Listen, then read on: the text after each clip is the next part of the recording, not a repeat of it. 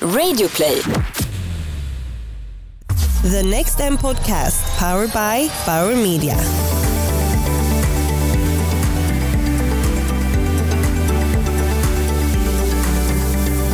Välkommen till Next M's podcast som produceras tillsammans med Bauer Media. Jag heter Martin Hugosson och är VD på mediebyråkoncernen Group M. I den här podden får du träffa såväl internationella inspiratörer som nationella specialister inom marketing och tech. Jag sitter nu i Bauer Medias studio och framför mig har jag Mikko Hyppönen som är Chief Research Officer på F-Secure. So welcome Mikko, thank you for joining. Thank you very much and thanks for having me. Would you mind uh, telling the listeners what F-Secure does? F Secure is a security company building security software and solutions for online safety and privacy. Originally started in Helsinki 30 years ago, we now have offices around the world and have 1,100 people working for us. Wow, so a pretty big company then. Yeah, it's grown over the years. I've been there forever. I've, I was employee number six when I joined in 1991, so I've seen the company change and, and the whole industry change during these years. Has it become, I guess, bigger and more complex, or is it other changes as well? I think the biggest change we've seen during these years is not a technological change, even though obviously the technology of, of, of, security has changed. But I think the biggest change is who we are fighting. That has changed completely over the years. Back then, when I started analyzing viruses spreading on floppy disks, we were fighting teenage boys writing viruses for fun.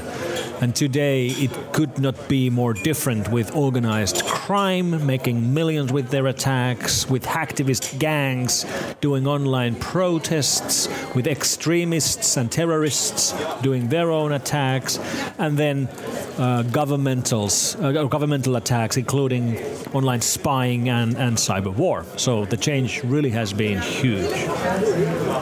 How fragile is our society really when it comes to hack related issues? Modern societies are completely reliant on technology. Everything runs on computers. Um, lights are on because of computers. Factories work. Every single power plant is run on computers, either traditional computer networks or, or embedded devices. For example, PLCs. PLCs are small boxes that run and operate every factory around the world, and internally, they're just Linux computers, so they can be targeted like any other system. And this digitalization revolution has really changed the world and it has given us tons of new opportunities and tons more productivity, but it also is making us more fragile and more vulnerable to attacks. And one crucial change that internet has brought is that it has taken away geography. On the net, there are no borders, there are no distances, there is no geography. And that means that when you are living or running your company in safe societies like the Nordic countries, for example, um, the most likely crime you personally can be targeted by or your company can get hit with is no longer a crime in the real world. It's now more likely to get hit by crime in the online world than in the real world. Do you think that sort of main media in the Nordics is giving a clear picture of the, the degree of threats? it's very reactive. Um, whenever there's some large uh, um, issue or outbreak or a big leak of data or big hack, these things are in the headlines for a moment. They also become a board level topic in companies for a moment, but then they are quickly forgotten. And that's not good enough. This is not something that can be delegated to the IT department in companies anymore. Digitalization is the difference between successful and unsuccessful companies. Digitalization, IT systems, and IT security is absolutely a board level topic, and it should be regarded as such. And it should also be something which is responsibly handled by the media. Um, in Sweden, we have an election this year, as you, you probably Good know. Thank you. Uh, and one of the topics between the different parties is, of course, physical security and the number of police in the streets. But if, if you if you say that it's a bigger threat to companies from online criminals? Why aren't we discussing that? That's a great question, and we should be discussing that. Um, of course, cops that are hired um, also do online work. I, I, work a lot with law enforcement and police officers in different countries, and, and it's one thing I keep hearing all the time is that digital research by law enforcement and, and collection of evidence by police has become the norm in every crime, not just in online crime and IT crime, but like when they're in, uh, when they're investigating, I don't know, a murder or um, you know a car theft. Even those investigations involve digital investigation, like figuring out where the suspect's phones were at a certain time or figuring out what kind of Google searches the suspect had done before the crime. So they do this uh, now routinely in, in, in police as well. So do we need more police forces? Yes, we do, but they have to be put in the right place. Not all of them are needed on the streets, some of them are needed in cyberspace. For a company, is it, if you have to sort of balance or choose, is it more about protecting yourself against intrusion or is it about damage control? The traditional way of defending corporate networks has been about trying to keep everybody out all the time. You build really strong firewalls and filters and, and intrusion detection layers and proxies, and you hope that nobody gets in. And that way of thinking is now in history. That's not the way to think about it anymore because it is becoming increasingly hard to keep everybody out all the time. So instead of trying to keep everybody out all the time, we should focus also on being able to detect when somebody gets in and being able to respond when someone gets in. Because right now, we all too often work with clients who've had a breach of security, and when we investigate it, we realize that the breach happened a year ago or two years ago, and they never detected it. And this is not good enough. The real world. Um, metaphor of, of, what I'm saying here is that if you, let's say you have a warehouse full of something really valuable, so you protect it by putting a great great big door on it with great lock and thick windows. And if you really have good lock and door and windows, you don't actually need a motion detector inside the warehouse because nobody's going to get in. But it's not a bad idea to have a motion detector inside anyway, in case somebody figures out a way to get in that you didn't think about, like making a making a hole in the roof, for example. And the same idea applies to your networks. Yes, you do need firewalls and antivirus systems, but you also should have sensors in your internal network to detect if someone gets in anyway. So I guess it's both then. Uh, yes, I guess it's both.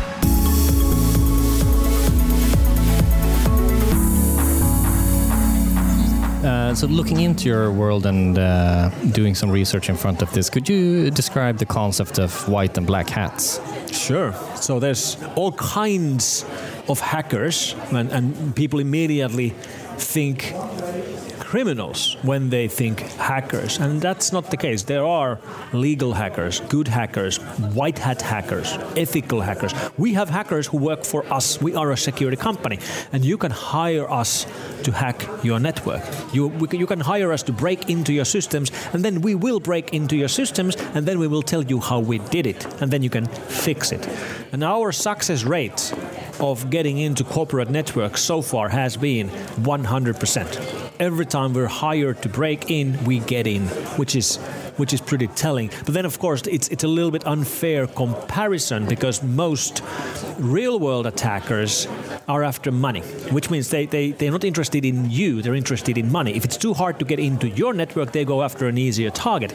And when you hire us to do a penetration test, we're not interested in getting anywhere else. We're interested in getting into your network, and we will keep trying until we get in. So, in that sense, it's, it's not that surprising that we have a 100% success rate, but nevertheless, it is, uh, it, it is what we do. And for that purpose, we do need good hackers, white hat hackers, and, and white hat hackers make all of us more safe.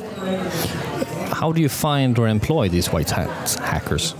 Well, we train them ourselves. We've been running. Uh, the way we recruit new people is is problematic. It's hard to find talent in this space. There's so much competition. So the way we've started doing it is that we run university programs in several technical universities and online uh, programs together with a couple of universities. And through these uh, courses we find the kind of talent we're looking for, and then when we're able to find guys who are eager to learn and have technical competence, then we can run them through our own training system in which they learn about how to spot security vulnerabilities, how to think outside the box, and, and how to how to use your skills for good. Is it normal that sort of do you say bad hackers or black hats converts? So grow a conscience or grow up or yeah, sometimes it does happen. It's it's typically after they get out of jail and Okay. they don't want to go back to jail again Yeah. that they, they start figuring out how they could use their skills for good. I guess the most famous example uh, is, is Mr. Kevin Mitnick, um, who hacked some of the largest telcos and, and technology companies in the world. Um, he was hunted by the FBI for several years. They finally found him. He did it uh, years of jail time, and after he got out, he started a consulting business. He's a very successful security consultant nowadays. So, so it is possible. Uh, you said about the, the it being a topic for the board at companies once something dramatic has happened. But how should a company work or think ongoing around around this subject? Should you employ uh, these white hat people, or should they turn to you? Or The way companies should start by building security for their networks is to start with their own threat assessments. That's the work of figuring out who's the most likely attacker who, got, who could come after you. And it's really just thinking about like who are we? What do we do? Who's interested in us? Who would be interested in hurting us? Who would be interested in making us look bad? Who doesn't like us? Who would be interested in stealing our technology? Which one of our competitors might be interested in, in spying on us? Are we doing something that's of interest to foreign intelligence agencies? And the answers to these questions are different for different companies. Some companies have a real risk of making activist or hacktivist groups angry and they might retaliate and, and they have to take that into account. Some groups or companies, let's say defense contractors, indeed are a target of foreign intelligence agencies, but most companies are not. So, so it starts from figuring out um, the, the, your threat assessment, and after you've done that, then you can put your limited resources and limited budgets into the right place and fighting the most likely attacker who could come after you. how much skills and resources should you have internally, and how much should you depend on companies such as F-Secure? Many, many companies are outsourcing um, their security in multiple different ways. One reason why it's happening is that there is this skills gap. It's, it's hard to find. There are no, not enough security people for every company on the planet. So, in that sense, you have to outsource it, or many companies have to outsource it. Which sounds drastic, like outsourcing your security sounds sounds drastic, but then again, that's not really different from outsourcing your physical security. I guess most companies don't have their own staff guarding the office in the middle of the night. They hire a security company, real world security company, guard company to, to guard it. Exactly in the same way you can you can outsource your computer security or data security. Another reason why there's um, a skills gap is that there are these massively large technology companies that have very big world class security teams. I'm speaking about companies like Google and Facebook and Apple. Um, they, they, they try to hire the best minds in the world and they have really world class security teams. And what this means for consumers and what it means for companies is that when they, when they use these services, for example, the Amazon cloud, to run their cloud services, or when they use services like Dropbox for cloud storage, um, the security of those systems is actually very good. It is world class. It's probably better technological security than what these companies could do by themselves. So when you when, when you think about security of cloud storage, it's actually very good because these companies have so big resources and they take security so seriously. So it's more a question about privacy than a question of security. Should you trust the big four? I don't think we have an option. I, I don't think we can avoid them. Um, should we trust them? Depends. Um, look at their business model. If you look at the business model of, let's say, Google and Facebook, uh, it's completely different from the business model of, of Apple. Google's and Facebook's business model is to figure out everything they can about us, profile us as much as they can and then sell that information to advertisers. And they try to go as far as they can without alienating us. Facebook is now very close to that that that threshold. They've gone a little bit too far, um, but but it's it's a thin line. They they want to know everything they can about us without crossing the line about becoming so intrusive that we would stop using them. Because if we stop using them, then they no, make no money at all. And then when you look at Apple, that's not Apple's business model. Apple is not in the business of trying to profile their customers and selling that information. Apple's business model is to sell overpriced tech gear to us. That's what they're trying to do. It's completely different. And, and, and they are capitalizing on that right now. They, they are very strongly pushing a message to their customers that they're different, that they, they are not, um, they, they, they handle your privacy differently than Google and Facebook because they don't have to profile us and sell our information. That's not the business they're in. And right now that works into their favor. I guess it's a really hot topic with uh, Zuckerberg's interview yesterday. And do you, what do you think you should do as an individual to protect your personal information? there's been a big movement of, of, of, delete Facebook and get out of Facebook, and, and some people actually have left Facebook. Um, but it's not that simple. It's it's it's not easy to do because we've become so dependent on these services. Our social interactions and, and our neighbors and relatives are there, and leaving these services comes with a price.